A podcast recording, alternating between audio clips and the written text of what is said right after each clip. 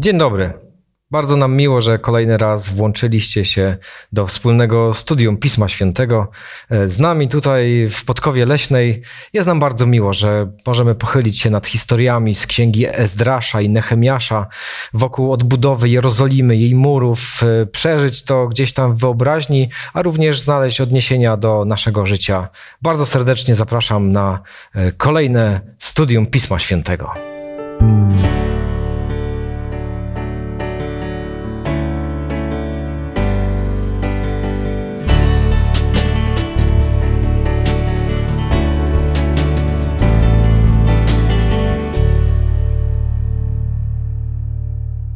Bardzo ciekawie nam się złożyło, że tematem dzisiejszego studium będzie czytanie słowa. Kiedy czytali je kiedyś, my je czytamy dzisiaj, znajdujemy pewne połączenia, przesłanie tamtych dla nas, a my też będziemy chcieli, starali się z modlitwą, prosili, żebyśmy my tutaj w studio mogli znaleźć dobre przesłanie również dla Was, mili widzowie. Pozwólcie, że przedstawimy się na początek. Ja nazywam się Marek, jest Karolina, Marcin, Błażej i właśnie z Błażejem zaczniemy nasze spotkanie od modlitwy. Nasz dobry Panie Boże, dziękujemy Tobie za Twoje słowo, za Pismo Święte. Prosimy Cię, abyś teraz nas obdarzył zrozumieniem, abyś obdarzył nas jasnymi umysłami, abyś obdarzył nas prowadzeniem Ducha Świętego, abyśmy pojmowali, abyśmy rozumieli i aby, Panie, to słowo było żywe, aby przemawiało do naszego życia, aby przemieniało nasze, nasze postępowanie, nasze zachowanie. O to Cię prosimy w imieniu Jezusa Chrystusa. Amen. Amen. Amen. No to jesteśmy w naszej historii Ezdrasza, Nehemiasza. Jerozolima jest odbudowywana. Pojawiły się już mury, jest świątynia, która zaczęła funkcjonować. Pojawia się życie w tym mieście. Co jeszcze widzicie? Co dzieje się w tym czasie? Jacy królowie imperia są wokół? Co jeszcze należałoby tutaj doszkicować, żeby tak lepiej odnaleźć się w tej rzeczywistości naszej dzisiejszej historii?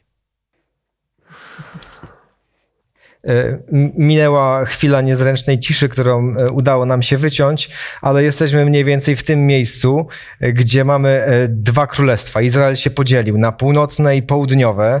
Północne jest lepsze czy gorsze? Gorsze. Gorsze. Gorsze. Południowe ze stolicą w Jerozolimie, plemię Judy i Beniamina lepsze. Chociaż no, też niedobre. Do czasu. Mhm. Mamy moment, kiedy Izrael coraz bardziej upada w grzech i wtedy Pan Bóg posyła ościenne narody. Mhm. Jaki naród zdobywa które królestwo? No, Babilon mm, definitywnie kończy historię dwóch królestw, najeżdża Judę. To było później, ale tak. zanim upadła Juda. No to Asyria. Asyria, Asyria. Zdobyty, zdobyta jest Samaria i północne królestwo jest zupełnie opustoszałe. Król asyryjski przesiedla wszystkie plemiona, a na ich miejsce przesiedla ludy z innych miejsc. Tak, i żeby... powstają Samarytanie. I wtedy właśnie pojawiają się Samarytanie, e, którzy pytają się, jak mamy czcić tego Boga. Taki mały szkic, zarys. E, tak. Później upada e, południowe królestwo Judy i idą do niewoli. Babilońskiej. Babilońskiej.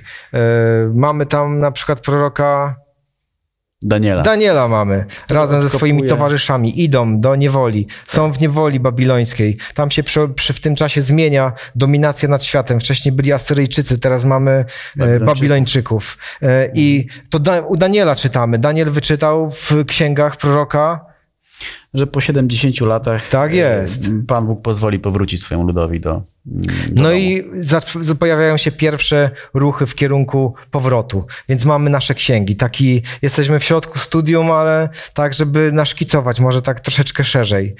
No i zaczynają wracać. Mamy tutaj naszych dwóch szczególnych bohaterów. Mamy Zdrasza, mamy Nehemiasza. Oni się tak pojawiają naprzemiennie. Co się dzieje? Co się dzieje? Gdzie jesteśmy teraz w naszej historii?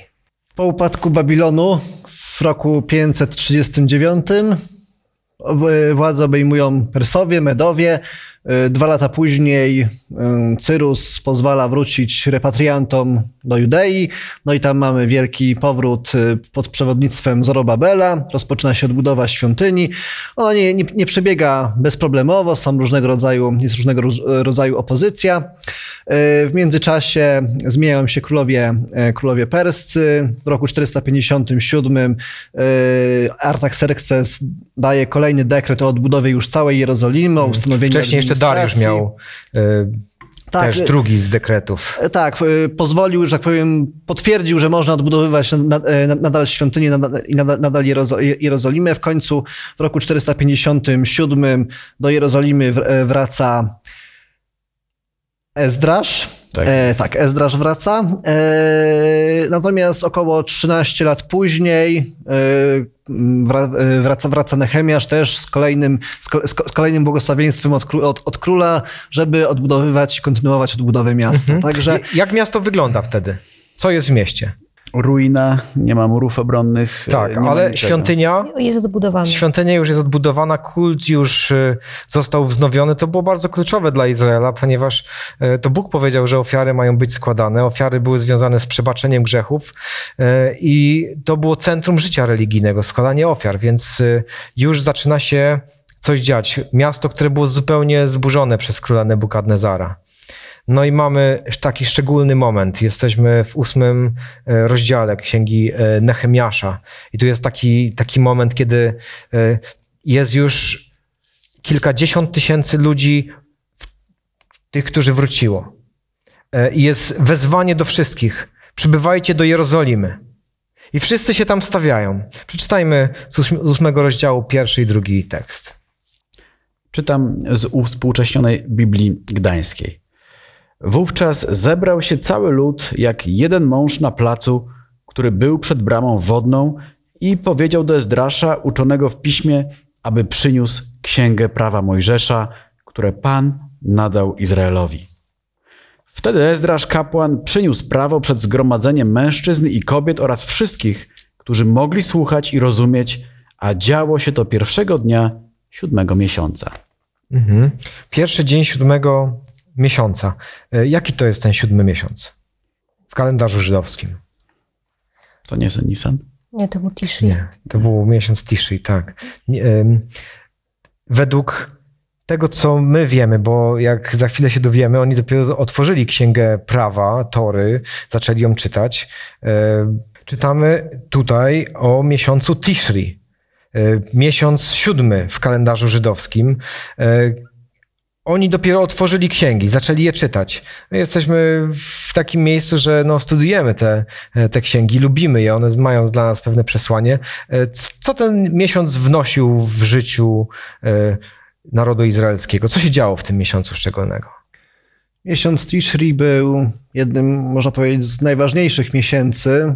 Fakt, fa- faktycznie, ponieważ e, na ten miesiąc przypadały aż trzy istotne święta. Trzy istotne zgromadzenia, trzy istotne wydarzenia związane ze służbą świątynną. No i przez pierwsze 10 dni było święto trąbienia, które poprzedzało e, Dzień Pojednania. No i po kolejnych kilku dniach było święto szałasów. Także były trzy święta, możemy powiedzieć, jednego miesiąca i to bardzo, bar- bardzo mocno podnosiło rangę tego miesiąca. Mhm, A jakbyśmy mieli spojrzeć na cały kalendarz, e, to jak on wyglądał? Na przełomie marca, kwietnia, powiedzmy w tych okolicach były święta Paschy, święto... Czyli mie- miesiąc Nisan. Tak, tak. Były, świę, e, były święta, e, święto Paschy, święto Pierwocin, święto Potrząsania. E, później kilka, miesiąc... No, mie, Sie- mie, Siedem tygodni. Siedem później. tygodni, tak. Później e, było święto tygodni, czyli tak Mhm. zwana pięćdziesiątnica, zielone świątki. E, No i to kończyło święta, święta wiosenne. Później właśnie mamy ten e, blok świąt jesiennych, czyli te trzy święta w, Tak. w tym miesiącu. Czyli widzimy, że to jest bardzo ważny moment w, w kalendarzu. To jest święto. Czy, czy Błażeju powiedziałeś, jak to święto się nazywało? Tak, powiedziałeś o Trąbieniu. trąbieniu. O trąbieniu. E, To jest bardzo przenikliwy dźwięk, kiedy pojawiają się trąbki, s- szofar, kiedy zabrzmi. E, My tutaj zrobimy tak, żeby zaraz zabrzmiały e, szofary, ale to jest, to jest niesamowite, kiedy, kiedy ten dźwięk się roz, rozlega, to ma coś takiego w sobie, że przenika, przenika gdzieś tam umysł, serce, budzi, budzi. Ja, ja do tego dźwięku właśnie w ten sposób podchodzę, że, że jest dźwięk, który miał ludzi obudzić, przygotować na święto Jom Kippur, które było też w miesiącu Tishri, dziesiątego dnia tego miesiąca, a Jom Kippur to Dzień sądu. to dzień sądu, to dzień sądu.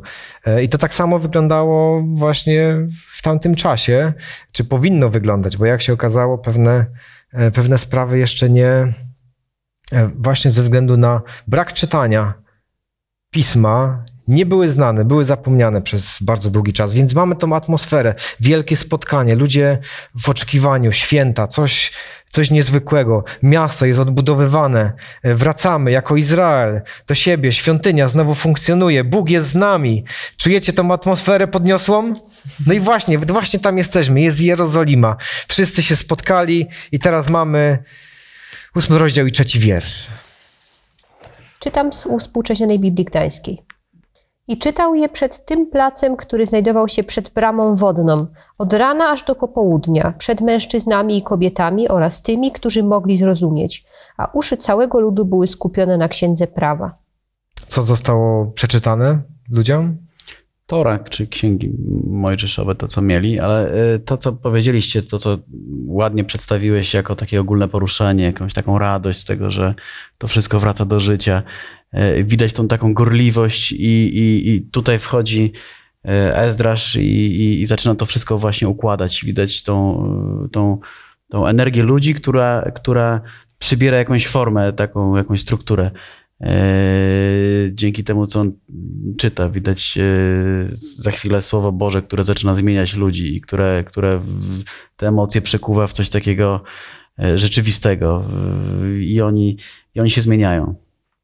No też jeżeli to poprzedza święto pojednania, no to to był też czas takiego podsumowania i no tak, zrobienia też takiego rachunku sumienia, ale trudno robić rachunek sumienia, kiedy się nie ma świadomości e, tego, czym jest grzech i czym jest prawo Boże, więc moment był szczególny po to, żeby ludziom właśnie uświadomić, e, gdzie się znajdują, w jakim momencie życia się znajdują. I dlatego było też to prawo odczytywane. Potem będziemy potem czytać, jaka była reakcja na odczytywanie tego prawa, Mm, I to też jest właśnie ciekawe, w jaki sposób y, człowiek y, reaguje, kiedy, kiedy styka się właśnie z takim czystym, objawionym Słowem Bożym. Obie te księgi zawierają, można, mo- można zauważyć dwa takie elementy, e, e, które się przewijają przez te księgi. E, Przy czym jednym z takich elementów jest ta odbudowa fizyczna i ona jest głównie na początku zarówno księgi Nehemiasza, jak i Ezdrasza. Natomiast później obie te księgi przechodzą do, do takiej odbudowy duchowej, do odbudowy życia religijnego, duchowego narodu. I widzimy, że jedno, jest równolegle, równolegle, dzieje się równolegle do drugiego. Jedno jest ważne, drugie jest ważne. Tak, I widzimy, że ta odbudowa fizyczna nie jest tak po prostu, żeby było ładne miasto zbudowane, ale ma jakiś cel, że ma właśnie prowadzić do tego, żeby, e, żeby ten kult religijny się odbywał. Jeszcze na początku tej księgi, w pierwszym rozdziale jest, y, mm, o tym też już wcześniej wspominaliśmy, y, kiedy pojawił się Nehemiasz w Jerozolimie, to napotkał opozycję, która nie była zadowolona, że przyszedł człowiek, który będzie zabiegał o dobro synów Izraela. Więc jakby misją Nehemiasza nie było tylko to, żeby y, odbudować miasto właśnie z, z ruin, tak jak powiedział też Błażej, ale żeby odbudować naród izraelski i żeby, y, żeby te nowe pokolenie, które powstało, mogło przypomnieć sobie te wszystkie dobre rzeczy, które, y, które działy się za czasów świetności Izraela. Też odczytywanie prawa miało właśnie takie znaczenie, żeby przypominać dzieciom i tym wszystkim wnukom i kolejnym pokoleniom, y, że Bóg jest dobry i że Bóg cały czas działa. My tutaj czytamy y, o tym, że zakon był odczytywany, że to Tora, prawo y, i to rodzi takie negatywne konotacje. Natomiast kiedy mówimy o Torze, to mówimy oczywiście o pięciu księgach Mojżesza, które mają w swoich najpierw księga rodzaju, czyli stworzenie człowieka, czyli powiedzenie skąd jesteśmy, jedne z najważniejszych pytań dla ludzi. Jest Bóg, który to wszystko stworzył swoimi rękoma, powołał nas do życia, prowadzi nas, pomimo tego, że my odeszliśmy. Mamy później Księgę Wyjścia, czyli jako naród byliśmy już w niewoli, Bóg nas wyzwolił z tej niewoli. Wtedy Bóg dał nam pewne prawa, e, zawarł z nami przymierze, z Izraelem. To my jesteśmy tym Izraelem. My oczywiście patrzymy, możemy na to spojrzeć i, i, to jest naszym celem, spojrzeć z perspektywy Nowego Testamentu. Natomiast, żebyśmy się tak też wczuli, zrozumieli sytuację tamtych e, ludzi. Straciliśmy wszystko, co było dla nas cenne, bo nie byliśmy Bogu posłuszni. Teraz wróciliśmy z powrotem, Bóg się nad nami zlitował, zgodnie z tym, co przez proroka Jeremiasza było powiedziane, to im się naprawdę wszystko niezwykle e, składa. Jedni rozumieją więcej, inni mniej, ale widać takie niezwykłe poruszenie. Duch Boży działa, ludzie przychodzą, jest taki ten niezwykły moment, spotykają się, księga jest otwarta, e, czytana, czytana. I myślę, że dla nas e, my możemy się z tym utożsamiać jako, jako naród, bo też mieliśmy e, ponad 100 lat, kiedy 123 lata, kiedy byliśmy w niewoli, kiedy starano się, żebyśmy zapomnieli, kim jesteśmy, skąd pochodzimy, jaka jest nasza historia i oni też byli 70 lat w Babilonie i widać, że wielu z nich zapomniało, bo jednak tylko niewielka cząstka ludzi wróciła e, do Judy. E, więc e, to musiało być dla nich coś wielkiego. No, jest jest na pewno w tym jakieś podobieństwo, natomiast myślę, że też dziedzictwo i taka tożsamość Izraela jest o tyle większa, że oni patrzą na to z perspektywy, to Bóg, Stwórca Wszechświata powołał nas, właśnie nas, ten naród wybrał do specjalnego zadania i chyba wszystko sprowadza się do tego, żeby odkryć, czym jest to zadanie. Na razie odkrywają, że tym zadaniem jest odbudowanie tego miasta, kult świątyni, e, no i całą sztuką w Starym Testamencie zobaczyć osobę Pana Jezusa w tym wszystkim. Nieraz ludzie mówią tyle krwi, tyle tutaj całego zamieszania. E, a, a gdzie w tym wszystkim Jezus? Przejdźmy do Nowego Testamentu. Ale nie, właśnie staramy się, jesteśmy, jesteśmy tutaj z narodem izraelskim, żeby zobaczyć ich historię, e, skorzystać w ten sposób, że dla nas dzisiaj żyjących spróbujemy coś więcej jeszcze wyciągnąć. No i właśnie ten moment, kiedy, kiedy Tora jest odczytywana, e, tak, e, taki, taki patos się pojawia, jakbyśmy mogli piąty i szósty wiersz przeczytać. Ezdrasz otworzył księgę na oczach całego ludu, gdyż stał wyżej niż on, a gdy już ją otworzył, cały lud powstał. Jezdrasz błogosławił Panu, wielkiemu Bogu, a cały lud, podnosząc ręce, odpowiadał Amen, Amen. Potem skłonili głowy i oddali pokłon Panu, padając twarzą ku ziemi. Niesamowity moment. Księga, która jest ich dziedzictwem narodowym, wrócili, świątynia znaczy funkcjonuje, mury miejskie odbudowane, Jerozolima znowu stoi. My dzisiaj siedzimy sobie w innym miejscu, inne czasy i też Biblię trzymamy w rękach, też tam mamy e, księgi Tory. Co dla nas to znaczą te księgi? Jakbyśmy od samej Tory zaczęli. Generalnie to powinny znaczyć e, tyle, co i dla nich, bo jesteśmy e, ich potomkami duchowymi. E, więc to tak jakbyśmy czytali o naszych początkach, o, o naszym dziedzictwie. Więc yy, możemy się utożsamiać z nimi. Mm. Tak, te początki mają tutaj bardzo duże znaczenie.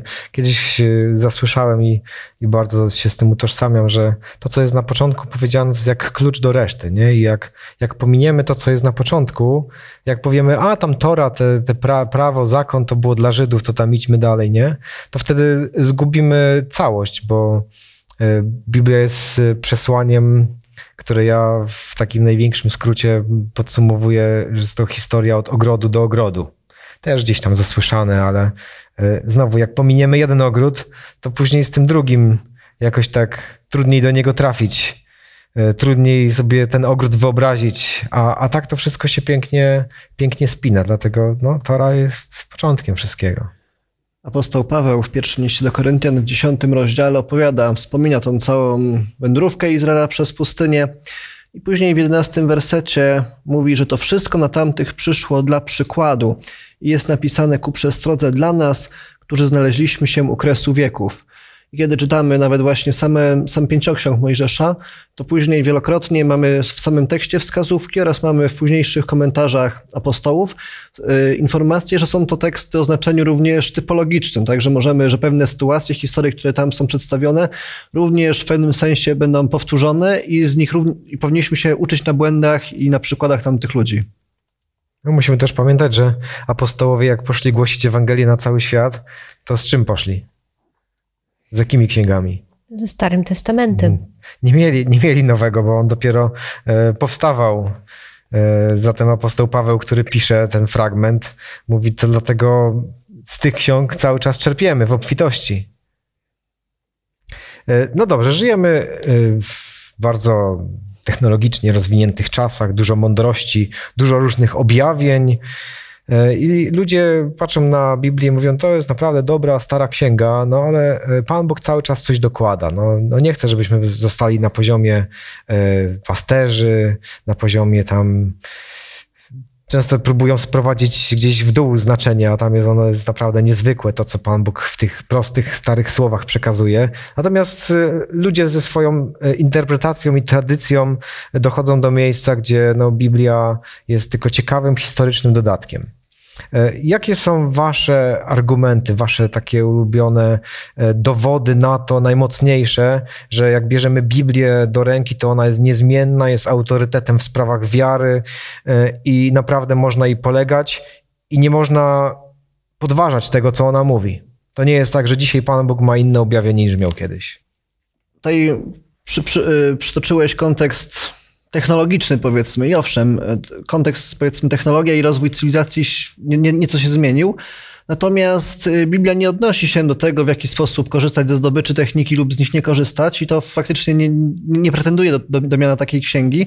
Natomiast y, pretenduje do miana księgi, która y, odnosi się do moralności, do ludzkich postaw, do, do ludzkich problemów, i one są niezmienne prze, prze, przez, przez wszystkie wieki. Kiedy czytamy ludzi, którzy mieli problem, z, żeby zapewnić sobie utrzymanie, kiedy, którzy się bali innych ludzi, którzy przeżywali rozterki, czy postąpić dobrze, a może wygodnie, to te Y, te sytuacje się nie zmieniają, więc pytanie, które, y, więc pytanie czy, wo, y, czy wobec zmienionego kontekstu cywilizacyjnego Biblia nadal, Biblia nadal pozostaje aktualna? Jak najbardziej tak, ponieważ to nie ma kompletnie wpływu na to.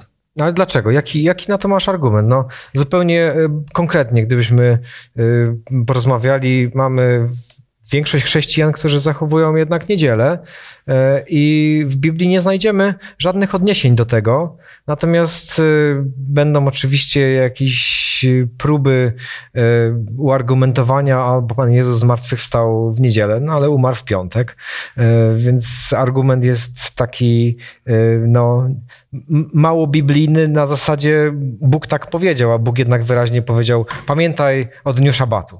Więc Biblia stoi na stanowisku sobota, a jednak gdzieś tam w, w tradycji, historii pewne rzeczy się pozmieniały. I trudno jest przyjść do wielu ludzi, powiedzieć im, ale Biblia mówi tak. Jakie macie argumenty na to, że jak Biblia mówi, to Biblia mówi? E, Biblia wielokrotnie mówi e, o tym, że Bóg jest niezmienny i jakby sama w tym względzie e, się wyjaśnia, ale wydaje mi się, że tak ciężko jest przyjąć Mm, to na przykład o czym ty mówisz, że, że jednak e, sobota, mm, a nie niedziela, bo cały świat chrześcijański mówi, że niedziela, a Biblia mówi, że sobota. To dlaczego nie sobota, skoro Biblia tak mówi? Bo Biblię należy przyjmować jako całość. I teraz, jeśli ty w swoim życiu na przykład y, zaczynasz zastanawiać się, no dobra, stworzenie czy ewolucja. Jak coś ci nie, zaczyna, przestaje ci grać, bo, bo myślisz, no cały świat y, mówi, że jednak ewolucja.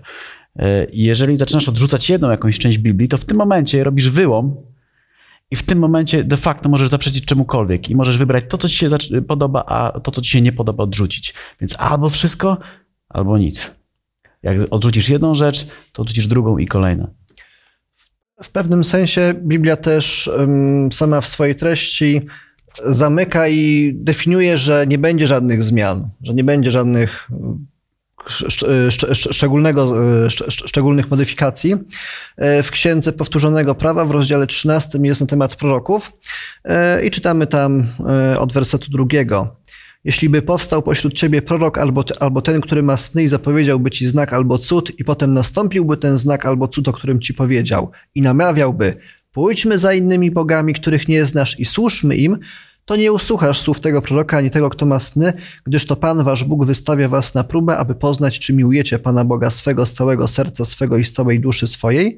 Za Panem waszym Bogiem pójdziecie i Jego będziecie się bać i Jego przystrzeg- przykazań przestrzegać. Także tutaj Biblia mówi, że jeżeli coś by zmieniało e, rozumienie tego Boga, jeżeli by, e, byśmy chcieli oddawać e, cześć nie Bogu Stworzycielowi, który ukończył stworzenie w dzień sobotni, tylko jakiemuś innemu Bogu, który ma inny dzień, który, który, który wymaga chwały w, in, w inny sposób, czy jak, jak, jakikolwiek inny aspekt, to tego proroka nie należy się słuchać, a nawet należy go ukamienować, potem jest, jest, jest powiedziane. Natomiast tak, Biblia tutaj mówi, że, nie, nie, że, nie, że w pewnych fundamentalnych zmianach, tak, odnośnie zrozumienia, kim jest Bóg, zrozumienia, yy, że należy go słuchać, jego przykazań przestrzegać, że nie będzie żadnych zmian w przyszłości. Ale jeśli jeszcze tak mówię króciutko. Mm. Księga Nehemiasza nawet po, potwierdza to, że Bóg jest niezmienny, bo zobaczcie, minęły 4000 lat od stworzenia świata.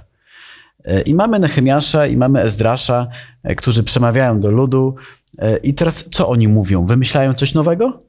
Nie, pokazują coś, co już znacznie wcześniej powstało, po prostu to powtarzają. Tu nie ma jakiegoś nowego przekazu, nie ma jakiejś nowej prawdy. Po prostu jest powtórzenie tego, co już było. No jeżeli uważamy się za chrześcijan, naśladowców Chrystusa, to warto też y, powołać się na słowa samego Chrystusa, który powiedział w Ewangelii Mateusza w piątym rozdziale: y, Nie sądźcie, że przyszedłem znieść prawo albo proroków. Nie przyszedłem znieść, ale wypełnić. Zaprawdę bowiem powiadam wam, dopóki niebo i ziemia nie przeminą, ani jedna jota, ani jedna kreska nie przeminie sprawa, aż wszystko się wypełni. Kto by więc złamał jedno z tych najmniejszych przykazań i uczyłby tak ludzi, będzie nazwany najmniejszym w Królestwie Niebieskim. Hmm. Ja bardzo lubię fragment z drugiego listu Piotra, pierwszy rozdział od dziewiętnastego tekstu.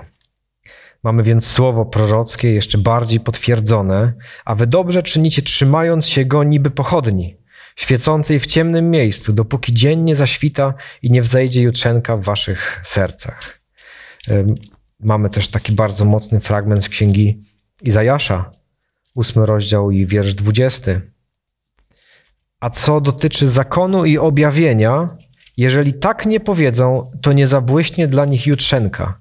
Czyli jeżeli pojawia się ktokolwiek, czy to będzie prorok, czy mądry człowiek, czy podający się za najwyższą istotę, jeżeli ktoś będzie próbował zmienić to, co jest zapisane, to mówi, nie ma tam światła. To jest przesłanie z tego słowa, które samo w sobie y, zabezpiecza, y, żeby przypadkiem w przyszłości nie przyszedł ktoś, kto będzie próbował zmienić. Również w rozdziale siódmym Ewangelii Marka Jezus bardzo mocno się wypowiada przeciwko tradycji, która stoi w sprzeczności z przykazaniami. Ewangelia Marka, rozdział 7, werset 10 i dalej, albowiem Mojżek rzekł, czci ojca swego i matkę swoją oraz kto złorzeczy ojcu lub matce, niech śmierć poniesie. Wy zaś mówicie, jeśli by człowiek rzekł ojcu albo matce korban, to znaczy to, co się ode mnie jako pomoc należy, jest darem na ofiarę, już nie pozwalacie mu nic więcej uczynić dla ojca czy matki, tak unieważniacie Słowo Boże przez swoją naukę, którą przekazujecie dalej. Tu widzimy, że Jezus wyprowadził sens przykazania Bożego i powiedział, że, to, że ten pośredni sposób, w jaki faryzeusze unieważniali to przykazanie, jest absolutnie nie do przyjęcia. Żadna tradycja, żadne tutaj ludzkie przepisy nie mogły zastąpić tego, co Pan Bóg nakazał. Mamy Pana Jezusa, który jest kuszony przez szatana i za każdym razem odpowiada napisano, napisano, napisano. Więc widać, że tutaj wszystko jest wokół tego, co napisano. Kiedy apostołowie tłumaczą proroctwa, przywołują teksty e, ze Starego Testamentu, to czyli jedyne księgi, jakie były w ich czasach. Czyli cały czas jest powoływanie na to, co napisano i tam nie ma zmiany. Wracamy do e, naszej sceny, gdzie mamy cały naród e, zgromadzony na placu. Czytane jest e, prawo, Tora. Powiedzcie, jakby wasze życie wyglądało, gdyby słowo Boga, Pismo Święte, Biblia nie pojawiło się w waszym życiu. Czy potraficie sobie to wyobrazić, gdzie byście byli dzisiaj? Pozabijalibyśmy się pewnie jako ludzie. e, W ogóle jako cywilizacja, prawda? jako cywilizacja, tak, no, jako populacja. Nie, nie byłoby nas po prostu, to tylko dzięki Bogu istniejemy. No to jest też dowodem na tą właśnie niezmienność e, e, Bożego Słowa, że prawa e, ludzkie w zasadzie opierają się na prawie Bożym, chociaż nie ma czasem bezpośrednich cytatów z przykazań, ale to prawo właśnie istnieje tylko dlatego, że Bóg ustanowił takie główne prawo. I mm, społeczeństwa funkcjonują dzięki temu, że, że polegają na Bożym prawie, chociaż odrzucają Boga, chociaż twierdzą, że sami sobie Mhm. mogą poradzić z tym wszystkim, że, że zaprowadzą tutaj pokój i bezpieczeństwo, ale, y, ale jednak y, ten pokój i to bezpieczeństwo wynika właśnie z tego, że przestrzegają mm, y, prawa, które pochodzi z prawa Bożego. To dbanie o słabszych, o e, starszych ludzi, o dzieci. E, To chociaż się dzisiaj ludzie od religii i mamy ku temu powody, dlaczego się odcinają, ale jednak te najlepsze wartości, one są zaczerpnięte z Biblii, a to, że dzisiaj religia się tak bardzo zdewaluowała, to nie jest e, bynajmniej e, zamiar tego, co zostało zapisane, tylko jest to wyrazem ludzkiej słabości i właśnie tych zmian, które ludzie poczynili e, w tym, co zostało napisane, i to doszło do takich karykaturalnych obrazów. Ludzie dzisiaj odrzucają Boga, chociaż mówią, wartości są w porządku. Chociaż widzimy z drugiej strony, do czego prowadzi e, takie radykalne e, wręcz egzekwowanie e, przestrzegania tych wartości. Mamy kraje muzułmańskie, mieliśmy państwo islamskie, które chciało siłą wprowadzić przestrzeganie prawa Bożego. Widzimy, że Bóg daje pewną wolność i daje ci wybór, czy chcesz tego przestrzegać, czy nie chcesz tego przestrzegać. No i właśnie, dużo tutaj sprowadza się do tego, jak rozumieć. I znowu wracamy do naszej księgi Nehemiasza, e, ósmy rozdział i ósmy wiersz, poproszę. Czytali więc Księgi Prawa Bożego wyraźnie i wyjaśniali znaczenie tak, żeby zrozumiano to, co czytali. Mhm, Czyli ktoś czyta i ktoś zaraz wyjaśnia. Dlaczego? No, są dwa Nie mogli ludzie sami zrozumieć? Jest taka możliwość. Wychowali się w Babilonie, tam posługiwali się e, aramejskim. E, tutaj wracają i e, mają hebrajski. Niektórzy mogą tego nie rozumieć, młodzi. Ale z drugiej strony, e, jak to czytałem, to pomyślałem sobie, że mamy kilka tysięcy wyznań różnych i kilka tysięcy różnych religii. Każdy inaczej interpretuje i każdy inaczej tłumaczy te same teksty. Czytać tak samo czytają. Czytałem i tak samo. I pomyślałem sobie o pionierach u nas w kościele, kiedy nasz kościół się tworzył. I kiedy oni mieli jakiś problem, kiedy mieli jakieś pytanie, to siadali razem i tak długo czytali, i tak długo się modlili, i tak długo dyskutowali, aż doszli do wspólnego stanowiska. I to samo zobaczyłem tutaj. Tak długo czytali, i tak długo studiowali, i tak długo objaśniali, aż dosz, doszli do, do, do sedna prawdy, do tego, co naprawdę chce Bóg powiedzieć. Jak długo czytali tego dnia? Pamiętacie z tekstu? Od rana do, Z rana do wieczora, Z rana aż zrobiło się gorąco. do aż do południa. Od rana aż do południa. Tak. No, wystali, wysłuchali, e, były komentarze. E, A jakie jest wasze zdanie o komentarzach? Czy właśnie te komentarze nie wprowadzają e, zamieszania? Może, może gdyby tak wszystkie komentarze pochować, dać ludziom tylko Biblię i powiedzieć, czytajcie tylko Biblię, to będzie dobrze? Lepiej? No, pr- przede wszystkim nie znając kontekstu i, i taki człowiek niedouczony jak ja na przykład wziąłby się do studiowania mm, Biblii i, i przeczytałby, e, że, że świątynia jest ducha, duch, e, ciało człowieka jest świątynią Ducha Świętego i, i zacząłby wyciągać wnioski, e, które wcale nie musiałyby pokrywać się z rzeczywistością, więc brak wiedzy, brak znajomości kontekstu, brak znajomości języka. E, To wszystko sprawia, że czytamy Pismo Święte często w sposób ograniczony i, i, dobrze mm, czytać jeden komentarz, drugi komentarz, e, jeden przekład, drugi przekład, bo każdy wnosi coś, coś innego. Pokazuje tą samą sprawę trochę z innej strony. Myślę, że czytając bez absolutnie bez żadnych komentarzy Biblię, y, wszystko co do, do zbawienia jest potrzebne, wszystko co, jest co, co Pan Bóg chciałby przekazać, takiego przynajmniej na poziomie podstawowym, naprawdę każdy bez żadnego komentarza jest w stanie zrozumieć. Szkoda. Natomiast y, pewne szczegóły, pewne takie głębsze myśli, y, tak, do tego warto jest użyć komentarzy i powiedzmy dorobku teologicznego minionych pokoleń, żeby powiedzmy nie startować od poznawania kompletnie od zera, zapoznać się z tym, co inni ludzie pomyśleli, do czego doszli, ale oczywiście mieć tą myśl krytyczną i zastanowić się, czy rzeczywiście ich wnioski są słuszne, czy niesłuszne. Mimo wszystko zaoszczędzić pe pe pewną ilość czasu, ale już być o, o krok dalej w, w, w rozumowaniu. Trudno oczekiwać, żeby człowiek wszystko sam y, odkrył, y, kiedy inni odkrywali to przez tysiąclecia, y, spisując, i, i, sztuką będzie właśnie znaleźć te perły tu i perły tam. Dla mnie takim bardzo pokrzepiającym fragmentem jest, są słowa Pana Jezusa z Ewangelii Jana, 7 rozdział i 17 wiersz. Jeśli kto chce pełnić wolę Jego, ten pozna, czy ta nauka jest z Boga, czy też ja sam mówię od siebie. To powiedział Pan Jezus, bo ludziom w sercach gdzieś tam coś grało, coś mówią, to jest mocne słowo, to, to nie jest zwykły człowiek, to, to mnie bierze. E, I tak samo dzisiaj, kiedy ludzie spotykają się z różnymi komentarzami, wyjaśnieniem, to Bóg daje takie, takie przekonanie, że to jest od Boga. Ja kiedy, pamiętam, kiedy zetknąłem się z nauką o usprawiedliwieniu, że to nie ja ze względu na moje osiągnięcia, wspaniałe zasługi dla Bożego Królestwa, tylko to Bóg pierwszy przychodzi do mnie i mi mówi: Człowieku, ja Ciebie naprawdę zbawiłem. Kiedy to do mnie pierwszy raz dotarło, to, to, to było takie potwierdzenie tego cichego głosu, który mówi: To, to jest mój głos to właśnie tak jest. Zatem Pan Bóg przemawia do nas na różne sposoby e, i tym cichym głosem, przez Ducha Świętego, On potrafi potwierdzić, jak człowiek naprawdę gdzieś tam walczy właśnie na kolanach, razem, studiujemy, szukamy, to Bóg przyjdzie ze swoim cichym głosem, żeby powiedzieć. No to znowu wracamy do naszej historii. E, teraz wiersze 9 i 10. Wtedy Nehemiasz, który był namiestnikiem oraz Ezdrasz, kapłan i pisarz i lewici, którzy objaśniali lud, rzekli do całego ludu. Dzień dzisiejszy jest poświęcony Panu waszemu Bogu. Nie smućcie się i nie płaczcie, gdyż cały lud, słuchając postanowień zakonu, płakał. I rzekł do nich, idźcie, najedzcie się tłustego jadła i napijcie się słodkich napojów, udzielcie też tym, którzy nic nie przygotowali, gdyż dzień dzisiejszy jest poświęcony naszemu Panu. Nie smućcie się, wszak radość z Pana jest waszą ostoją. Mhm. No w Biblii znajdujemy najpierw fragmenty tutaj, nie smućcie się, innym razem e, prorocy mówią, smućcie się. E, a innym razem pewien mądry prorok mówi, jest czas smutku i czas radości. Czas wojny i pokoju. Czas zbierania i czas gubienia. Mm, tak.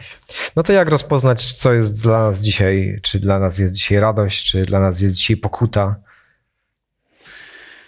Wydaje mi się, że wystarczy spojrzeć e, w listę do zborów i zobaczyć, e, które są w Apokalipsie, zobaczyć w jakim okresie czasu żyjemy. E, I widzimy, że żyjemy w okresie, o którym Pan Bóg nie ma nic dobrego do powiedzenia. E, wydaje nam się właśnie, że powinniśmy się cieszyć i powinniśmy się radować, bo jest dobrze. Ale Pan Bóg mówi nie, że, że przez to, że tak ci się wydaje, to, to twoja pozycja jeszcze jest gorsza, bo nie dostrzegasz tego, e, że powinno być całkowicie inaczej. Czyli teraz rozumiem, jak przychodzę do kościoła i patrzę na ludzi, wszyscy są tacy smutni, to właśnie dlatego.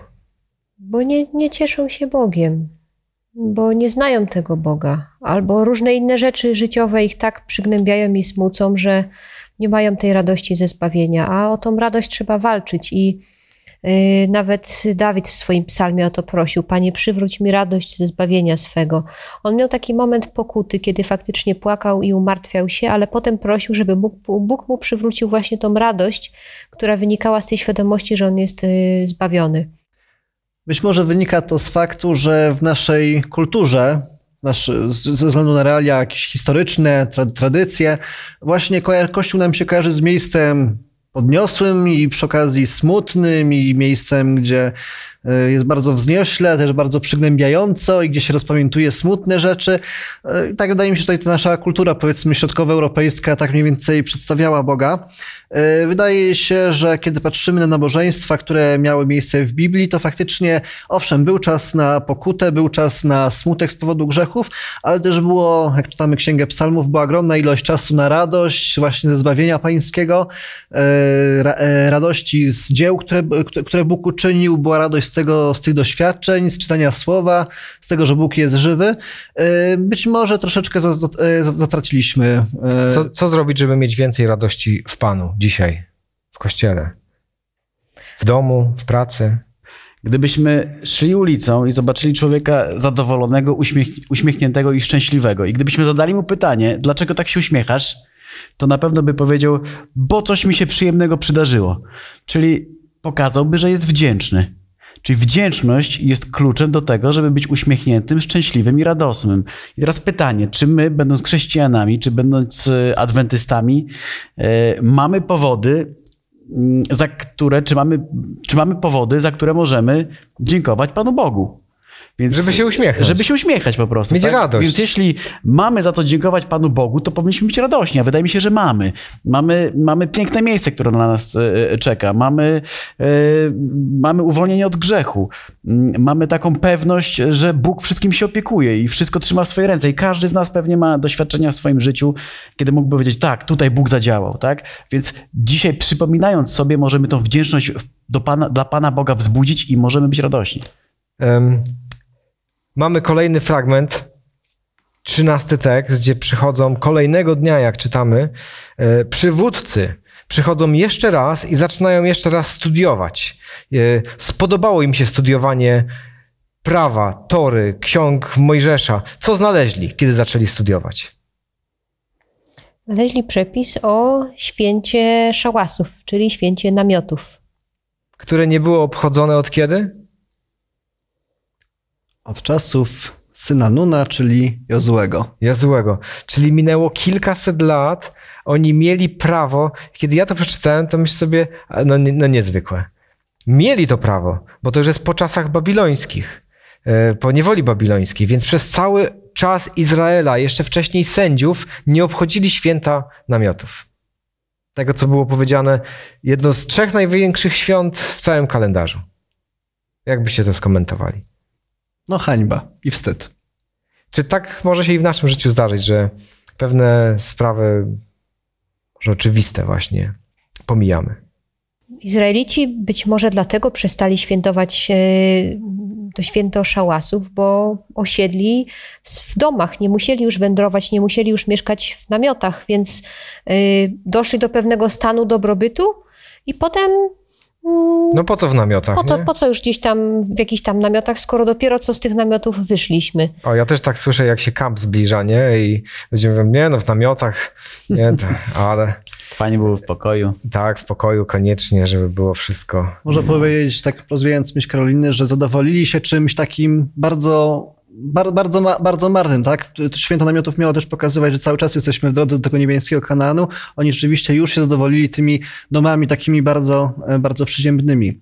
E, Natomiast tak, e, Pan Bóg kazał im to zachowywać, nie zachowywali, ale nam, nam również wiele rzeczy takich bardzo prozaicznych czasami Pan Bóg nas nawołuje, nawołuje nas do czytania Pisma Świętego, no i może się zdarzyć, tak, że ktoś e, właśnie zaniedbuje to, to, to, to codzienne święto otwierania pism, e, pi- e, pis, pis, Pisma Świętego. I sobie I przebywania pod ochroną Najwyższego, w szałasie Najwyższego. Zresztą już za czasów apostoła e, Pawła pisał on, że nie opuszczajcie wspólnych zgromadzeń, jak to co niektórzy mają u was w zwyczaju. Także no pewne, e, pewne nie- niedbalstwo w życiu duchowym wkra- może się wkraść w życie każdego. może być takim właśnie zapomnieniem o czymś, co jest tak oczywiste. Mm. I ostatnie pytanie. Rozmawialiśmy tutaj o niewoli babilońskiej, o narodzie izraelskim, świętach, czytaniu Tory. E, Gdzie w tym wszystkim Pan Jezus? No, spotkali się chrześcijanie i tutaj debatowali nad Izraelem y, i jego historią. Gdzie Pan Jezus? W świątyni widzimy, że najważniejsze było dla nich odbudowanie świątyni, a świątynia wskazuje na służbę Jezusa Chrystusa, którą teraz pełni, więc e, e, ta cała reszta, cała, cała odbudowa murów i miasta dopiero była po świątyni. Widać, co było najważniejsze tutaj, Chrystus. To, to czytanie, bo gdyby oni nie czytali, gdyby się nie poświęcili temu Bożemu Słowu, to by zatracili to powo- powołanie narodu, do jakiego- do jakiego byli powołani. Tak? Kiedy, kiedy czytali, że w Tobie, Abrahamie, będzie on błogosławione wszystkie plemiona ziemi, to wiedzieli, że z nich przyjdzie, z nich przyjdzie Mesjasz i faktycznie przyszedł, Mesjasz przyszedł, przyszedł. Tak samo, e, tak samo i właśnie nas czytanie prowadzi do tego, żeby zbliżyć się do Jezusa i w końcu powitać Go powracającego w chwale. Wszystkie te święta miały wskazywać na, e, na rolę i na, e, na życie Mesjasza, w jaki sposób on e, będzie działał. I ten moment, kiedy jest święto szałasów, to jest y, tak naprawdę już to, to jest ta nowa rzeczywistość. Y, Tak, to jest zapowiedź tego czasu, kiedy zamieszkamy pewnego dnia na spokojnie, w szałasach, w Tak. Bożym Królestwie, w ogrodzie. E, To był czas po żniwach, kiedy wszystko było już zrzęte i można było odpocząć. I to jest e, taka zapowiedź mesjańska tego, co przed nami. E, No, ale każde studium się kończy, tak jak i nasze. I ja tym razem tak bardzo krótko z apelem, który jest sednem tego studium, czyli czytajmy, otwierajmy słowo i czytajmy, bo ono zmienia. Zrobiło różnicę w życiu tamtych ludzi i robi różnicę w życiu każdego człowieka, który otwiera słowo i czyta. Mój ulubiony fragment, jeden z tych ulubionych, to list do Rzymian, 10 rozdział, wiersz 17. Wiara wtedy bierze się ze słuchania. Jak chcemy więcej wiary, więcej bliskości, więcej mocnego chodzenia z Bogiem, więcej radości w Panu, to czytajmy. Czytajmy, słuchajmy. Mamy różne formy, można słuchawki na uszy i to słowo naprawdę zmienia i Bóg jest bliżej, mówi do nas. I módlmy się, żeby więcej było tej radości w Panu, więcej Amen. słuchania. E, I kończąc nasze studium, e, Karolinę poproszę o modlitwę. Drogi nasz Panie, dziękujemy Ci za to, że mówisz do nas przez swoje słowo i że możemy Ciebie poznawać i Ciebie odkrywać i cieszyć się z tego, że Ciebie znamy, że coraz lepiej możemy Ciebie poznawać, a to nigdy się nie będzie kończyło, bo Ty sam jesteś nieskończony.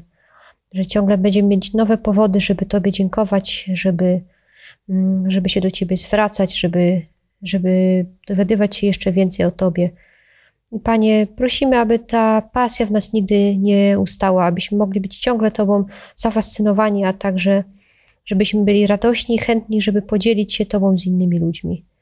Błogosław nas i strzeż nas w naszym codziennym życiu, aby tej radości w Panu nigdy nam nie brakowało. Proszę o to przez imię Pana Jezusa. Amen. Amen. E, Mili widzowie, kończąc to studium i dziękując Wam za Wasz udział, pozostaje mi już tylko zaprosić Was na kolejne studium. E, Cały czas e, wokół księgi Ezdrasza i Nehemiasza o Bogu, który przebacza. Bardzo serdecznie zapraszam.